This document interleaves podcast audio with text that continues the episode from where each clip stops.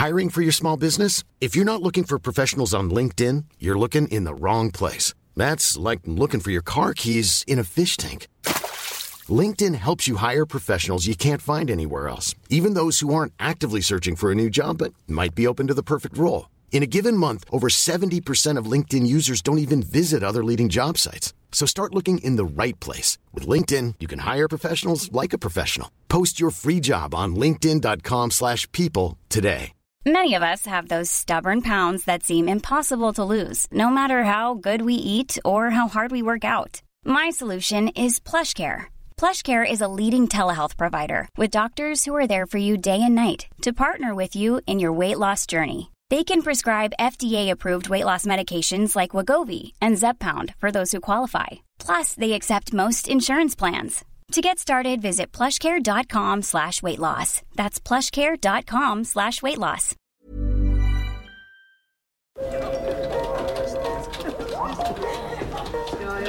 Dette er lyden av norsk næringsliv. Akkurat nå tas det små og store valg som kan bli avgjørende for fremtiden. Med økonomisystemet X-Leger tas disse beslutningene basert på informasjon i sanntid, slik at drømmer og ambisjoner kan bli virkelighet. Få kontroll og oversikt, gå inn på xledger.no.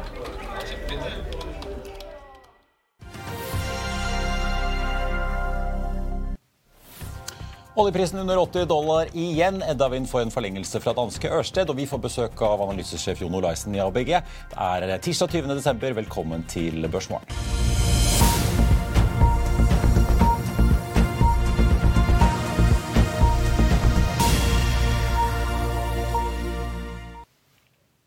En riktig god morgen alle sammen, og velkommen til oss her i Finansavisen. Jeg er Marius Thorensen, og med meg har jeg aksjekommentator Karl Johan Målnes. Med bare to uker igjen til nyttår så er jo spørsmålet om vi rekker et julereir i dag. På Wall Street i går så vi i hvert fall at piffen gikk ganske bra ut av markedet. Dow Jones endte ned en halv prosent, SMP 500 ned 0,9 og Nasdaq da hele halvannen prosent. Idet vi altså har bare noen få handelsdager igjen i året. Oljeprisen bikket, eller er nå ned får vi si 0,6% i spotmarkedet til 79,60. Og dermed var prisnivået så vidt over 80 dollar, som vi så i går, relativt uh, kortlevd. Den amerikanske lettoljen ned 0,8% til 75,20 nå på morgenkvisten. Og I Asia i dag så fulgte man etter Wall Street, og vi så et relativt bredt fall i de store indeksene. og Dermed er tonen satt for de europeiske børsene i dag, som Roger Berntsen i Nordnett påpeker i sin morgenrapport. Hovedindeksen her hjemme endte jo imidlertid da opp en halv prosent i går og brøt en tre dager lang nedgang, men det ser ikke ut til at det er noe håp for noe ytterligere oppgang i dag. Både både Nordnett og DNB regner med at vi åpner ned eh, rundt 0,7% på Oslo Børs når handelen nå er i gang om en fire minutters eh, tid. Et par nyheter som har vært å få med seg på eh, morgenen. Biotekselskapet Nycode melder at, eller er ute med en oppdatering da, på sitt utviklingsprogram for kreftvaksinen VB10 16, som er selskapets ledende produktkandidat. Der skriver de at det planlegges oppstart av en studie for avansert livmorhalskreft i USA i fjerde kvartal neste år, som de mener da kan danne grunnlag for en såkalt eh, produktregistrering hos FDA. Og så får vi ta med at TK2030 har signert en kontrakt med tyske ThyssenKrupp Automation Engineering for levering av den første komplette produksjonslinjen for brenselcelleutstyr ved, ved TKs anlegg i Narvik. og Det skal settes i drift i løpet av første og andre kvartal 2024. Wow melder at de har inngått en avtale med japanske Itochu, europeiske Etel og en av Storbritannias største dekkreturselskaper, kalt Murfitz, med sikte på å levere Wow-teknologi til et anlegg som skal resirkulere og omdanne gamle bildekk til råstoffer og energi. I første omgang tar partene på sikte på å lansere løsningen i Europa, Nord-Amerika og i det japanske markedet. Så også ta med en uh, regulatorisk nyhet får vi si, for de som følger laksebransjen. Norske myndigheter innfører nå en midlertidig stans i uh, søknadsbehandlingen for å få tillatelser til å drive fiskeoppdrett på land i Norge. Det kommer frem i en melding fra Næringsdepartementet. Stansen innføres uh, og vil gjelde frem til da alt uh, unnskyld, vil gjelde frem til man får på plass et nytt regelverk for akvakultur på land her i landet. Og I første omgang så er det en stans i saksbehandlingen på seks måter måneder. En annen aksje som det er verdt å holde et øye med i dag, er Softox. Konsernsjef Geir Almås går over til å bli arbeidende styreleder, og inn kommer etterfølgeren Christian Harstad. Han har erfaring fra både norske og amerikanske forsvaret og kom inn i Softox i september i år. Vi skal ta inn dagens gjest og er tilbake rett etter dette. Vil du bli oppdatert på det viktigste som har skjedd innen finans og næringsliv? Da er det bare å følge med, for hver morgen er jeg, Marius Lorentzen og aksjekommentator Karl Johan Malnes på plass i studio for å ta tempen på dagens marked i Børsmorgen. Og hver ettermiddag oppsummerer vi alt du trenger å vite i økonominyhetene, og det blir selvfølgelig masse interessante gjester. Klikk deg inn på fa.no-tv, eller søk opp Børsmorgen og Økonominyhetene der du hører på podkast.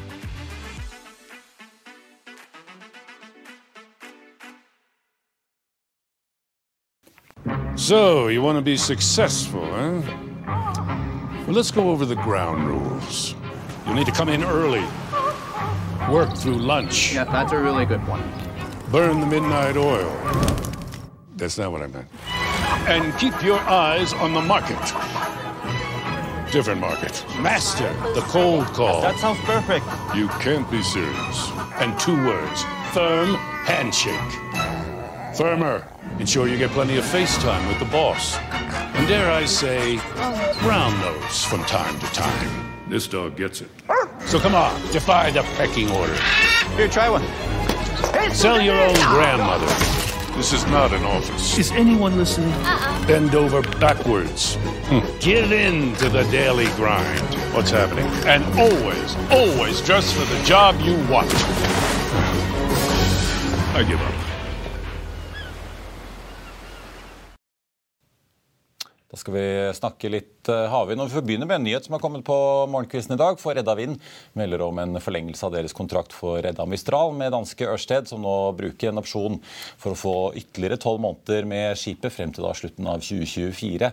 Serviceskipet har vært på oppdrag for det danske energiselskapet på Hornsea 1-vindparken siden det ble bygget i 2018. Og Da har Karl Johan og jeg fått besøk av analysesjef i ABG, Jon Olaisen. God morgen og velkommen. God morgen.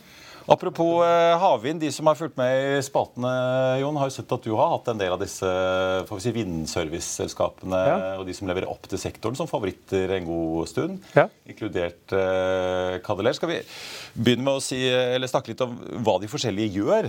For det er jo en litt sånn ny sektor for mange, ikke så Mm. Ja. lett å håndtere som liksom rigg, seismikk og oljeservice. Ja, og det er litt uenighet hva man skal kalle det òg. Vi kaller det offshore wind service-segmentet. Ja. Så det er alle de som jobber da med å bygge ut vindparker, som har båtene og utstyret som gjør at du klarer å få sette på plass turbiner, f.eks. Så de første, som de første ledd, det er de som er med på å installere turbinene. Altså de har store løftebåter, store kraner, som løfter på plass Vestas-turbinen opp på foundation. Hvis i aller først kommer, kommer det sånn som installerer foundation, og det er f.eks. Eh, Seaway 7. Og så kommer Cadillac og installerer turbinen oppå der. Ja. ja, vi bruker dekoren. Ja, vi bruker dekoren. Men det er klart, når det da først er installert, så trenger man jo folk om bord. Så en vindturbin, om det er onshore eller offshore, så er sånn rule of thumb, trenger ca. 100 man-hours per år med teknikere om bord. I drift og vedlikehold. Ja. Så det må oljes, det må smøres. Det er generatorer som går, blir ødelagt, tannhjul som slites, etc. Og på land så er det veldig greit. Da går du bare opp og så tar, bort til heisen, og så bort til bunnen av turbinen, og så tar du heisen opp. Men offshore er det jo verre. Så, og, og det blir jo sånn at vindparkene kommer lenger og lenger fra land. Så ofte er det liksom to timers båttur ut fra, fra land.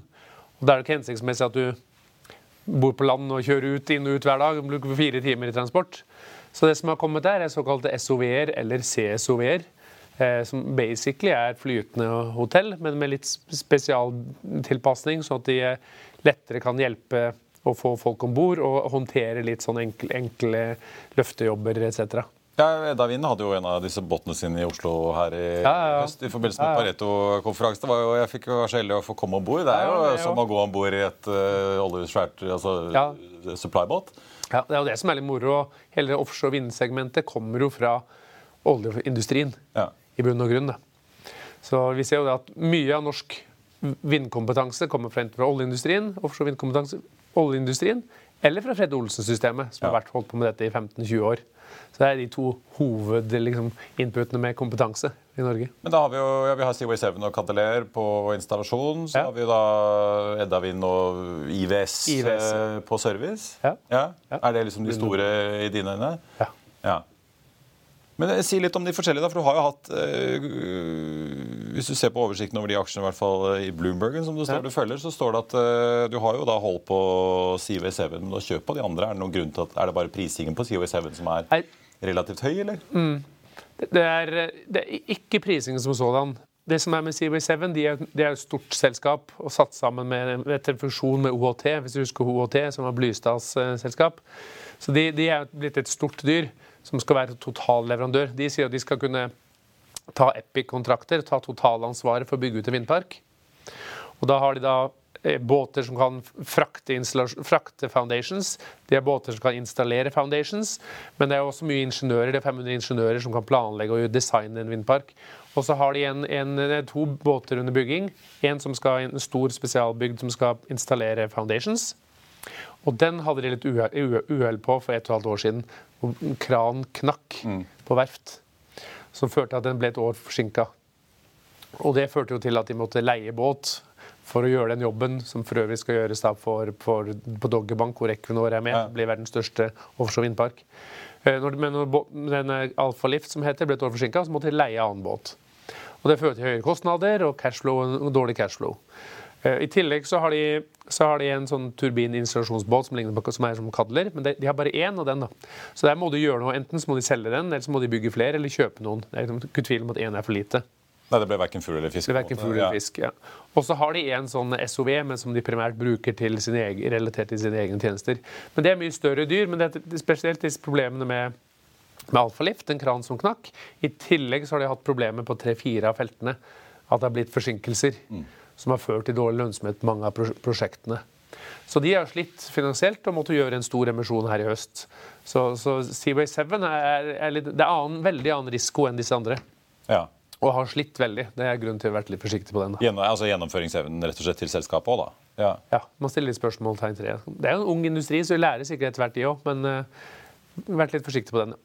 Men er det sånn så vidt riktig. Nei, for jeg ser sånn som Eddavind, så har du kjøp 40, den ligger vel på en 25 kroner IVS. De får jo inn skipene eh, fra neste år. Ja. Der har du kjøp 45, den ligger på et par og 30. Men øh, hva er det som er de store risikomomentene for disse selskapene? Er det, er det liksom noe enten prisingen i kontraktene deres, vi har jo mye inflasjon om dagen, det, går det på gjennomføringen? Det er, eh, alle disse tre her har jo vært ganske flate, egentlig. Ett og et halvt år. Svake til, flate til litt svake. Og jeg tror pushbacken har vært at fornybarselskaper har vært dårlige, så Peers har vært dårlig. Selv om det ikke selv de som ikke er helt sammenlignbare, har vært fornybarindustrien har jo kollapsa. Alvekst og ESG, liksom. Ja. Ja. Eh, Men for disse selskapene så har det jo vært, de har bestilt masse båter. Så Edda har to båter i drift i dag og åtte under utbygging. Cadeler har to i drift og fire under utbygging. Så Cadeler har jo ja, blir fire-fem ganger market capen på yard. Så det er klart, knekker en kran, så er det jo ref det som skjer med Seaway 7, så er det jo stor risk. Eller du får forsinkelser. Ja. Eller får forsinkelser, ikke sant. Så der er det byggerisk eh, og kostnadsrisk. I hvert fall, i hvert fall sånn perceived. Mm. Eh, men, og, og det samme gjelder jo litt for Edda og IVS. Men nå kommer båtene til Edda og IVS. Så IVS har i dag eh, to båter i drift og får to til i løpet av de neste 18 månedene. Mens Edda har to Unnskyld, IVS har ingen drift. Men Nei, de får sin de, får, de får sine to først nå i løpet av de neste 18 månedene. gradvis inn. Mens Edda har to, to båter i drift. Men de får fem båter til i drift i løpet av de neste 12 månedene. Så da går det liksom for ikke ha noe meningsfull PE og, og cashflow til å være single digit PE. Så Edda er veldig spennende. De får de to første nå i januar. Da går de dobler flåten fra to til fire. og Da plutselig begynner du å se at multiplene blir attraktive. Så på 24 så er det single digit PE. da. Er Litt sånn, eh, altså Supply-bransjen har jo ikke sett eh, den type vekst siden hva da, 2012. Ja, du må enda lenger tilbake enn det, tror jeg. Det er en ny industri, dette her. Så ny industri, men det som er, det som er hyggelig, er at de har lange kontrakter. Så Eddas lengste kontrakt er til 3037, eller 2037. Ja. En 15-årskontrakt med super profit-margin. Og så finansierer de med 60-70 gjeld, og de har bare 3,5% rentekostnad. Så smekk, så har du 15 return equity, eller equity IRR, med fem, over 15 år, liksom. Men Det eh, blir jo veldig stabilt og får god, god, god, god, god visibilitet. Eh, kan vi kan komme til å se nye selskaper inn her òg? I starten av året så var jo Fred Ja. Olsen eller Bonheur da ute ja. og sa de skulle spinne ut eh, Wind Carrier. Ja. Og vi vet jo eh, IKM, altså Kyllingstad og Aker har funnet sammen dette her, eh, Ja. serverselskapet sitt Føn, som ligger godt begravd nede i Akastor-systemet. Så det er jo potensielle kandidater kanskje som kan finne veien ut på børs hvis noteringsmarkedet bedrer seg litt. da. Enig i det. Det er veldig mange innen dette Edda-segmentet. Der er det jo to andre store norske systemer. som eh, Gamle Farstad-systemet har jo, bygd- det har jo fire-fem båter under, under bygging. Så det er et par sånn privateide i Norge som faktisk begynner å bli få en betydelig størrelse. Så der kommer det til å skje mye, både M&A og bestilling av nye båter og finansiering både på gjeld med gjeld og EK. Så det er, jo veldig spennende som skjer der. På turbininstallasjonssiden så er det litt større inngangsbarrierer. Båtene koster der 300 millioner euro å bygge, mens en SOV koster 50. Kanskje nå koster 60. Kosta 50 for et år siden. Men, Må regne så- 10 hvert år. vet du. Ja, ja, det har vært eh, inflasjon. Ja. Ja. Så, så det er mye større inngangsbarriere til å bygge sånne, sånne turbininstallasjonsfartøy som Kadler har. Der er det i Norge bare Kadler og Bonør. Ja. i bunn og grunn. Som, eh,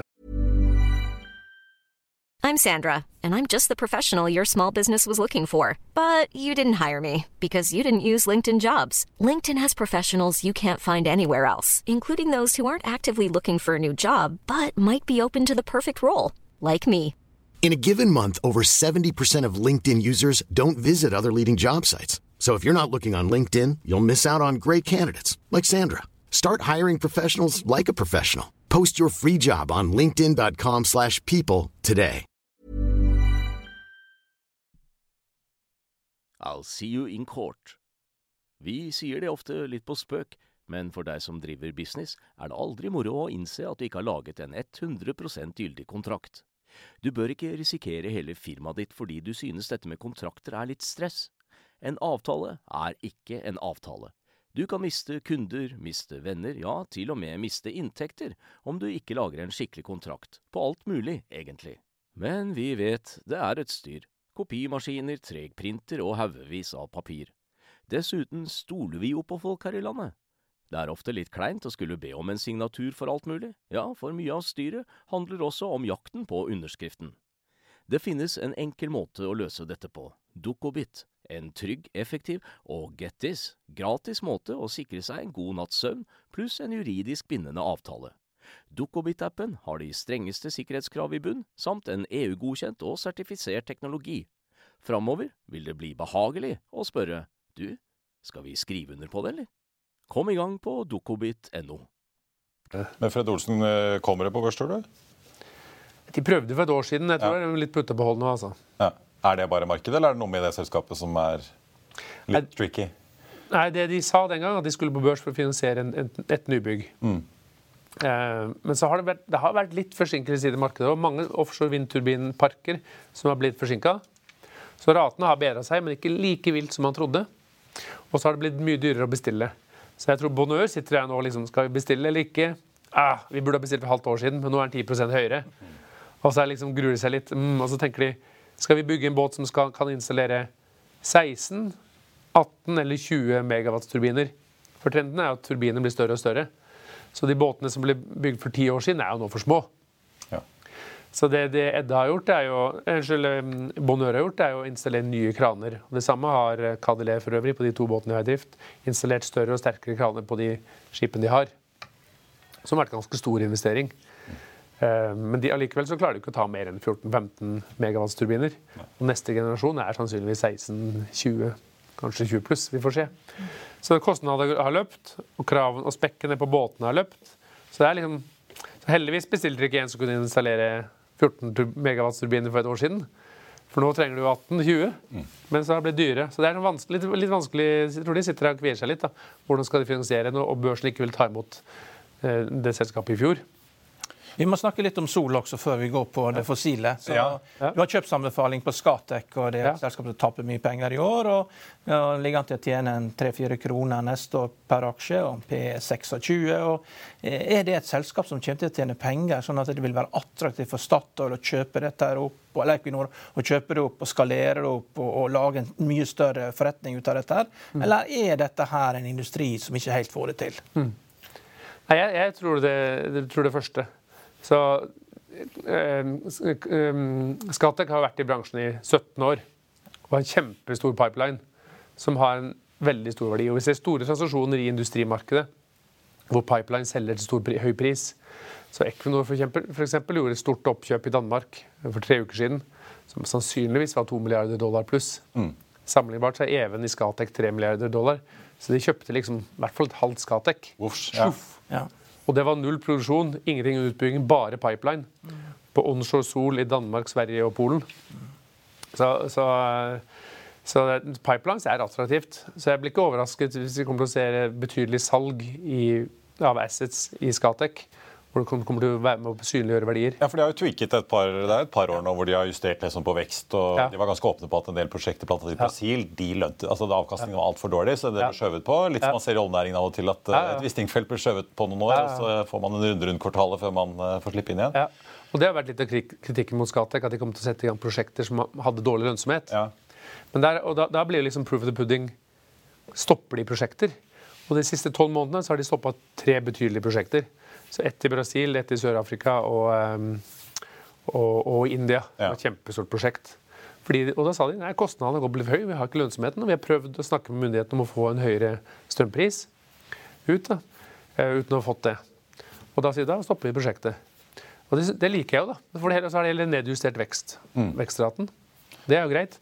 Og, og selv om det er høye P-tall, de har jo ca. 1,5 milliard i free cash flow fra dagens parker. Ja, de har jo disse SPV-ene eh, Ja, ja, ja. som ligger der i, Ja. Det er en veldig spesiell struktur. så Du får ikke flytta mye rundt på den kontantstrømmen hvis at du trenger det. Hvis du får problemer. Ikke hvis du trenger det sånn der og da. Ja. Men de, Du får prosjektfinansiering som kanskje letter altså det letter jo balansen til Skattek? Ja, det letter jo totalbalansen. Um, men sånn, sånn, de, de har et sånt tall som rapporterer free cash flow to equity, som er basert på normal rentebetaling og normal, normale avdrag. Og det tallet det tallet rapporterer selv, er 1-1,5 milliard på året. Og så er Even ca. 3 milliarder dollar. Så det er jo 5% Hvis du aldri gjør noe, så får du 5 yield hvert år. Ja. Men det er klart, det er jo forsvar, det er nesten sånn forsvarer aksjekursen, men ikke helt. Men jo fått, Det må være noe vekst. de har fått pushback på størrelsen på investeringsporteføljen investeringsplanen i forhold til markedsverdien. og eh, Det virker som at de ikke helt hadde forstått at de hadde blitt et mye mindre selskap når de la dette fram. Ja, det er litt sant. Men Hvordan tolker du at Hans Jakob Hegge nå blir finansdirektør? da? Tidligere finansdirektør i Equinor, som har vært en eh, Ja, ja, ja. tur innom i Hightech Vision-systemet. Ja, Er det et tegn på at noe kommer til å begynne å røre seg, tror du? Nei, jeg, ikke, nei, ikke med tanke på tanken på at om Equinor kommer til å kjøpe Skatec. Ja. Nei, jeg tror ikke det. Jeg tror, jeg, jeg tror ikke nødvendigvis Er det. vi litt Altså. konspiratoriske? Ja, litt konspiratoriske. Og så, det virker jo som Equinor ikke er interessert i å kjøpe de. Når de har hatt mange muligheter og aksjene har vært langt nede. Så det er sånn Når de ikke har kjøpt de nå, når aksjene er 80 kroner og De som klarer, de, de er jo involvert i flere prosjekter nå, de Brasil-prosjektene, så de klarer jo å regne på det. Så Hvis de ikke syns den er attraktiv på 80, da er det jo et eller annet med porteføljen deres som de ikke liker. Og jeg tror det at det er, eh, det er for mange høyrisikoland. For, små prosjekter i høyrisikoland som ledelsen ikke klarer å ha kontroll på. Og, da vil de ikke ta i det. Da vil de ikke ta i det. den eierandelen det er ikke naturlig at de selger seg ut av det. da. det er, er jo egentlig i bunn og grunn et utbyggingsselskap som ender opp med å eie solparker. Det er sant, det. Ja. Ja, ellers så kan jo Pål Eitrheim, fornybarsjefen i Equinor, begynne å kjøpe enkeltprosjekter av kanskje. Han trenger jo, han trenger jo litt flere prosjekter som han nå de målene som Equinor Skal har ikke se hatt. bort fra det, kanskje. Ja. Så, mm. Vi må snakke litt olje, men vi må ha en kort reklamepause. Vi er tilbake rett etter dette. Dette er lyden av norsk næringsliv. Akkurat nå tas det små og store valg som kan bli avgjørende for fremtiden. Med økonomisystemet X-Leger tas disse beslutningene basert på informasjon i samtid, slik at drømmer og ambisjoner kan bli virkelighet. Få kontroll og oversikt. Gå inn på xledger.no. Velkommen tilbake. Vi er med oss Jon Olaisen i ABG i dag. Jo, Jon, vi har snakket en del om fornybar, eh, og for så vidt sol, som jo Karl Han følger mye med på. Så det er bare å lese avisen i dag, så får man lese om solpaneler i USA, og hvordan California endret litt, litt regulering. Men la oss snakke litt eh, olje og gass, og kanskje begynne med seismikk, en sektor Ja. som har gått som en kule i år. Ja. Eh, og så eh, er vi litt interessert i, for det er ganske i hvert fall på PGS, et veldig stort spenn i kursmålene. Du ligger opp på 13. SEB og DNB ligger ned på 3,54. Det snakkes jo mye om en emisjon. Hvorfor Mm. Ja. ligger du så høyt? Ja. Seismikk er kjempespennende om dagen. Ja. Det er så store utfallsrom. Både på, selv på Q4, som er en måned unna, eller to uker unna, så, så vet vi ikke hvordan sånn late sales blir. Så jeg ligger vel 50% over et par av mine konkurrenter på late sales i Q4. Superspennende. Og, mens fornybar, som vi snakket om før pausen, har egentlig bare liksom vært fokus på børsen i to-tre år. Så seismikk har vært der siden, ja, i 30 år. Så, og historisk har vi har vi vist at når oljeprisen kommer opp, så går seismikkspenning opp. Det har liksom alle vært enig i. Men nå er det plutselig uenighet om det. Kan det være at nå bruker oljeselskapene mer penger, men ikke mer leting og ikke mer eh, seismikk? Jeg tror ikke det, da. Jeg tror de, kommer, jeg tror de letes eh, med begge hendene om dagen. Ja. Ja, fordi Hvis du snakker med seismikkfolk, så sier de at eh, jo, man trenger også seismikk også på nærfeltleting, som er veldig poppis om dagen, i hvert fall på norsk og britisk eh, sokkel. Men, men hva, hva har du sett i regnskapene til TGS og PGS? Da ser du jo at ja, ordreinngangen faktisk øker, at det er en genuin vekst her. Ja. Nei, de første tre kvartalene i år hadde de jo kjempekvartaler. Så late sales i år, sånn salg fra biblioteket, er jo, blir jo opp ja, 75-100 Noen tror 75, jeg tror 100 Det er mye står og faller på Q4. da. Så det, De hadde jo tre kjempesterke kvartaler, så TGS grusa jo konsensus både i Q1, Q2 og Q3. Men aksjene hadde stort rally frem til juni, og så har det vært dårlig. Så TGS og PGS de siste tre månedene så er de jo ned 20 mens eh, eh, Subsea 7 og, og Slumberger er jo opp 20% Så det er 40 outperformance på, på, på, på Subsea 7 kontra TGS og PGS de siste tre månedene. Det svir for investorer som har kjøpt, som kjøpt seismikk og ikke Subsea 7. Hvis du sitter feil der, ja. Så hvis du sitter feil der. Men klart, eh, hvis det er fra 1. januar, så er det ganske likt. Men konsensusestimatene, som ofte driver aksjer, der ser man at det var et veldig løft i konsensusestimatene til seismikk frem til sommeren. Og så har det vært ganske flate og litt ned i det siste. da. Så det er jo det som driver. Så nå trenger vi, nå trenger vi godt fjerdekvartal for å løfte disse videre. Sånn at man kan også få estimatene opp for neste år, hvis det er det som viser å være riktig. Det er det som trengs nå. Og så blir det jo, Karl-Jan, det er jo altså, Skip og giring gjør at PGS ofte svinger mer, da. Ja, og jeg, så, jeg ser jo det at de, de som har Dere har jo brukt å gjøre en masse emisjoner for PGS før, og jo vært med, vært ganske aktive. og Nå er jo det Pareto og Carnegie som har gjort eh, de siste. Da er det, eh, og jeg ser at de har fått inn noen New York-investorer. sånn at eh, det er, det er jo nok til å komme med en stor amerikansk investor, så kan du bygge en bok rundt det. og Dere har jo lagt ned kontoret i New York. Er det sånn at dere nå lurer på å starte opp igjen for å komme i gang igjen med olje? For det er, det er der borte de store pengene er når det gjelder olje og gass. Ja, Vi har fortsatt eh, kontor og lisens der, men, eh, Ja. men eh, det er jo veldig få mennesker der. Ja. Mest av megl- meglerne som handler med amerikanske aksjer, sitter nå i Norge, og Sverige og London. Ja, Um, men eh, nei, det er som du sier, det er, markcapen er såpass liten, og det skal ikke så stor investor til for å komme inn. Nei. Men når er det vi kan... Det er lenge siden vi jobbet for PGS, altså. Er det, ja? Lenge, lenge siden. Ok. det. Nå regner du at man kanskje kan komme til å få noen nyheter rundt uh, PGS? Er det naturlig ved Q4-rapporteringen på nyår? Ja, nå, både TGS og PGS har sånn eh, pre-announcement om revenues, Ja. som kommer 8.-9. januar. Så det er første. Så har vi faktisk en paneldebatt hos meg nå, bort på ABG nå klokken, eh, klokken 11, hvor jeg har eh, CEOs i, i PGS, TGS og, og Sharewater. Ja. Da skal vi ha paneldebatt. Og det er ekstremt høy interesse, så vi er vel 60 påmeldte. Så vi har plass til 50 stykker i det største møterommet vårt, så det blir ståplass. Så alle ser at det er et stort utfallsrom, og det er veldig, alle, det er veldig mange som er interessert. Så om du er overvekta eller undervekta, så, så, så, så håper du det ene eller det andre. da. Og de som er undervekta, er jo redd for at det liksom skal ligge feil. Ja. Det samme med de som er overvekta, selvfølgelig. Men de som er overvekta, er- det er litt som nå føler liksom de som er overvekta, er ganske fast i troen. Ja. Eh, Mens de som er undervekta, er litt Jeg tror jeg føler at de er litt mer redd for at de Så i dag blir det trading i PGS og TGS uansett. Det gjør det, altså. ja, men noen som setter ut et rykte midt under eh, Og Sharewater, Sharewater har jo sagt at de, de ønsker å komme på børs, kanskje i løpet av neste år. Hvis vi får se litt hvordan eh, markedet blir. Mm. Men er det gitt at det blir en emisjon i PGS, og så trenger de mer påfyll av kapital? En eller annen finansieringsløsning, eller kan de tjene seg ut av problemene noen måneder eller et Ja. år til? Vi får se. Jeg, jeg frykter ikke all verden. Altså, eh, da vi starta året i år, så hadde de 1 milliard i gjeld. Ja. Nå har de 800. eh, Eller 750. Og jeg tror om ett år så er de under 400. Rett og slett med inntjening? At med inntjening. eh, cashflowen ja, ja. Det er 70-80-90 millioner dollar i cashflow i kvartalet. Så den underliggende driften har bedret seg så dramatisk. Så de fikk en kontrakt her i Middelhavet for tre-fire uker siden, og det er første kontrakten i denne sykelen hvor de får betalt for mobilisering. Så det er klart, I fjor hadde de, eller i år i fjor hadde de fortsatt, fortsatt ganske dårlig første halvår i år. Så i fjor, altså 21 og 22 så hadde de 75 flåteutnyttelse. Da hadde de 25 tiden hvor de, ja, de ikke fikk betalt. Mens neste år så kommer de til sikkert til å få 80% flåteutnyttelse, pluss at de får betalt for mobilisering.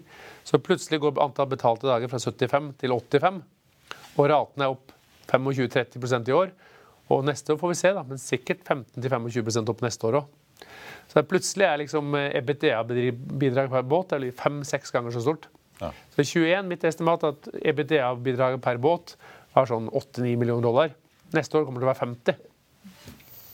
Du, jeg må høre med. Ja. Ja, de, som, de som har salgsanbefalinger, som SEB tre, kursmål 350, DNB kursmål 4, Ja. danske 5 eh, Er de ikke tett nok på selskapene, tror du? Ser de ikke lønnsomheten? Er det det som er tilfellet? Husby Karlsen er jo rigganalytiker. Han har fullstendig kontroll på alt. Ja. Men det behøver ikke bety at han har noe greie på seismikk. Ja, ja, ja. Så har han vel kollegaer som er hovedansvarlig på seismikk. Okay. så. Men han er jo står på Panama-lista. Ja. Nei, Det er større utvalgsrom. Det er vanskelig vanskeligere å vite. Jeg skal være ydmyk på det. altså. Ja. Så det blir litt, blir litt kåle. Men er det litt den giring-effekten at øh, ja, hvis raten og inntjeningen blir veldig god, så plutselig blir du kvitt gjeld, og da får du liksom en veldig positiv utvikling? Er det det som Ja, det er, gjør at mekanikken i regnestykkene blir ja, det er vel det. Så jeg er litt usikker på hva de tror på oljepris. Da. Klart, Seismikk er høybeta i forhold til oljepris. Så hvis de tar, legger Ja, for dere har tatt ned litt. Ned, Dere var jo på 100 dollar fatet Ja. nå på starten av 23, tatt ned til 80, men dere tror fortsatt på 100 mot slutten av øh, neste år? Ja. Hva er det som gjør at dere tar det ned? Er det Kina og resesjonsfrykt, eller er det realiteten. Spotten er 80. Ja. det er litt det, for å være ærlig. Men det er klart, hvis på kort sikt så ser vi det at det har ikke vært noe bortfall av russisk produksjon, som Nei. man trodde. Og så har Kina-økonomien svekket seg. Ja. Det er hovedgrunnen. Men jeg må si på oljemarkedet så har jeg ikke sett det så spennende utsikter siden 2002-2003. Nå har vi altså 40% av verdens oljeproduksjon. USA, Russland og Saudi-Arabia. Produksjonen fra dem er sannsynligvis ca. det samme om fem-seks år. Og de tre landene har jo stått for nesten all økning i verdens oljeproduksjon de siste ti årene. Og etterspørselen i dag er 10 millioner fat høyere enn det var for ti år siden. Hva hvis verdens etterspørsel er 5-6-7-8 millioner fat høyere i 2030 enn det er i dag? Hvor skal oljen komme fra? Det er meg vanskelig å si. Og Russland kan til og med begynne å falle. Sannsynligvis kommer det falle hvis situasjonen med Ukraina vedvarer. Ja, for du har kjøpt hos Det er vel Aker BP, vår og Kea som er dine favoritter? Ja, ja, ja. Så på Aker BP, da du har kjøpt 450, nå ligger den på 303, så tenkte jeg sånn men Vi vet jo at gassprisen er høy, vi vet at oljeprisen er ja, ok, Det er ikke 100, fat, eh, 100 dollar fatet lenger, men det er fortsatt 80. da, og Det skuffer jo inn penger ut på Ja. Fornebu i et voldsomt tempo likevel. Leverer en utbyggingsplaner for over 200 milliarder. Ja. Eh, men du ser jo da fortsatt en veldig oppside. da. Ja, jeg tror, jeg tror eh, altså Helge Lund har fått mye kritikk for mange aggressive oppkjøp han gjorde, men han, han snakket jo om peak oil. Han trodde på, og det gjorde vi alle. For før Shale kom, så trodde jo peak oil Det var ikke nok olje i verden. Hvis etterspørselen vokser, så har vi ikke nok olje i verden. Det var situasjonen for 12-13 år siden. 13 år siden. Jeg tror vi kommer tilbake. Om et år kommer vi til å snakke om peak oil igjen. Og ikke på etterspørselssiden, men på supply. Ja. Da kommer all verden til å skrike vi må ha mer olje. Da blir det skatteletter, ikke skatteøkning for oljeindustrien. Men disse 150 kronene, hvor er det i Aker BP-aksjen hvor er det de kommer fra? Er det, kan de tjene noe mer penger enn de gjør nå? liksom? Jeg antar de kan trene mer på 100, 110, 120, men uh, Nei, det blir mer valuation. ja. Nesten alle, alle investorene jeg snakker med nå, tror liksom på høy oljepris tre-fire år, eller to-tre år, og så skal det kraftig langt ned. Altså ned da. Det er ikke mange som tror på en vedvarende oljepris utover 25-26. Men det er klart, hvis du begynner å tro på høy oljepris i 2030, altså Aker BP kan gå mye mer enn til 450. Det, det, det som kjennetegner, altså Olje er jo en sensyklisk eh, råvare. ikke sant? Ja. Og, og da eh, Det er jo syklisk, og vi skal jo inn i en nedgangskonjunktur. Og det virker jo som at det er ingen tar hensyn til det. Ja. Det kan jo bli et ganske kraftig fall i oljeprisen neste år. Ja, ja, kan for så vidt det. Men du har dette på tilbudssiden. da. Ja. Så jeg vil si, Det var jo før min tid, men det minner jo litt om 80-tallet nå. Hvor du fikk høy, høy oljepris og ble mangel på olje, som førte verden inn i tre-fire års dårlig, dårlig økonomi. Og Det er jo det som liksom skjer nå. Inflasjonen startet på mange måter med energiknapphet. Så Det minner jo den om den situasjonen. Så jeg er litt redd for det, egentlig. det ser jo Det, det, er forskjellig, for at nå er oljen dyr. Du ser jo på flyselskapene hvor de sliter.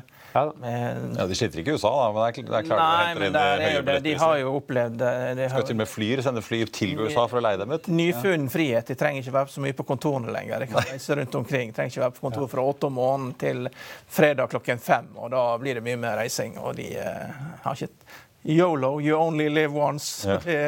Nytt liv.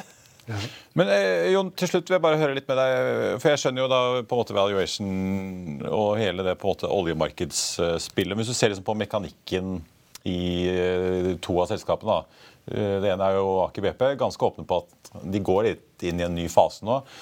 Voldsomme, svære utbygginger, og de skal på en måte bli et eh, Ja, de har bygget ut ting før, men nå skal de virkelig bygge ut store prosjekter. Noaka, Yggdrasilsen er døpt om til, eh, og det er jo en drøss av subsea-satellitter og Ja. forskjellige tillegg. Uh, Okea ser vi jo har jo holdt jeg på å si, omtrent blitt gjeldfrie etter å ha vært i brudd med lånevilkårene i 2020. Ja, ja, ja. Men de har jo også slitt med en del av disse feltene Ja. sånn teknisk på drift. Ja. Er det ting her som kan butte for disse selskapene, selv om uh, markedet her i bunnen er bra? Ja, vi har sett litt det på vår òg. Sånn haleproduksjon. eller, Ja, Ja, har- blitt mye dyrere enn planlagt. Ballerex blir mye dyrere. Så jeg tror på, akkurat på Okea, som ser veldig billig ut, jeg har den på kjøp, og jeg tror den er veldig billig. Men eh, investorene bekymrer seg litt derfor, er at de kommer til å få flere problemer på sånne små halv, ha, småfelt på halvproduksjon. Og vi ser jo det at det er mangel på, på, på kapasitet i underleverans- for underleverandørene. Så har du en lekkasje på en, en, en, et rør på havbunnen, så tar det ikke en måned. Nå ringer du ikke Sub7 og så fikser det på en måned. Du ringer Sub7 og så fikser det på seks måneder. Og et konkret eksempel på vår Ja. i sommer. Så de fikk en liten lekkasje i, i mai som ble fiksa nå i november. liksom. Vanligvis er det liksom fiksa på en måned. Ja. Og et annet eksempel på vår, de hadde en kompressor som røk. Så det tar liksom vanligvis så hm, får du noen måneder. Den ble sendt fra Asia. Nå er det et halvt år, liksom. Så, så hvis du har, hvis du har liksom som Kea som har liksom ganske få felt, og får du noen sånne problemer, som egentlig er vanlig i oljeindustrien, så er det alltid sånn. kommer det går, ja, ja. Er som, eh, Men da slår det veldig mye ut fordi de har få felt. da. og- mm. Og det er verre da, hvis det står for, de, for Draugen eller de store feltene deres. Og det kan jo skje. og Det tror jeg aksjemarkedet har sagt litt at det kan skje. Mm. Da gir vi det litt, skal det være litt rabatt. Men likevel liksom, må måte på rabatten. Det ser jo veldig billig ut. Ja. Men Svein Liknes trenger kanskje litt, eh, et par flere felt i porteføljen for å spre risken litt? De kommer helt sikkert til å gjøre oppkjøp. Ja. Det sier de jo. Ja, ja, relativt åpne. Jon Olaisen ABG, tusen takk skal du ha. Eh, Lykke til med seismikkpanelet. Jeg er ikke i tvil om at mange følger eh, spent med på den. Et par analytikeroppdateringer på tampen. SEB er ute og oppjusterer kursmålet på TGS, apropos. Fra 2,05 til 2,15 opprettholder sin kjøpsanbefaling. Mandag endte den på 1,2150. Og så er nei, Jeffries unnskyld, har regnet litt på Equinor. Kursmålet tas fra 3,80 til 3,70. De beholder holdanbefalingen sin. Den endte mandag på 361,65. Og Det var børsmålen for denne tirsdag 20. desember. Husk å få med deg økonominyhetene klokken 14.30. Da får vi besøk av forvalter Karl Oskar Strøm i Paleo Capital. I mellomtiden så får du siste nytt på FA.no gjennom hele børsdagen. Ha en riktig god dag videre, alle sammen. Vi ses.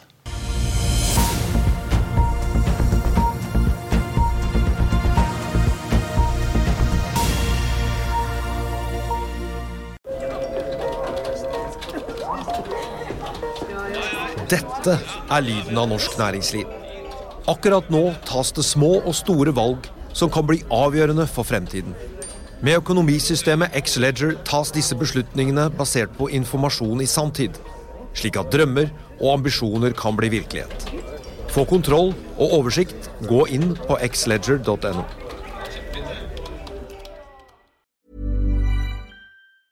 Small details are big surfaces. Tight corners or odd shapes. Flat, rounded, textured, or tall. Whatever your next project, there's a spray paint pattern that's just right. Because Rust new Custom Spray 5 in 1 gives you control with five different spray patterns. So you can tackle nooks, crannies, edges, and curves without worrying about drips, runs, uneven coverage, or anything else. Custom Spray 5 in 1. Only from Rust Økonominyhetene er en podkast fra Finansavisen. Programledere er Marius Lorentzen, Stein Ove Haugen og Benedikte Storm Bamvik. Produsenter er Lars Brenden Skram og Bashar Johar. Og ansvarlig redaktør er Trygve Hegnar.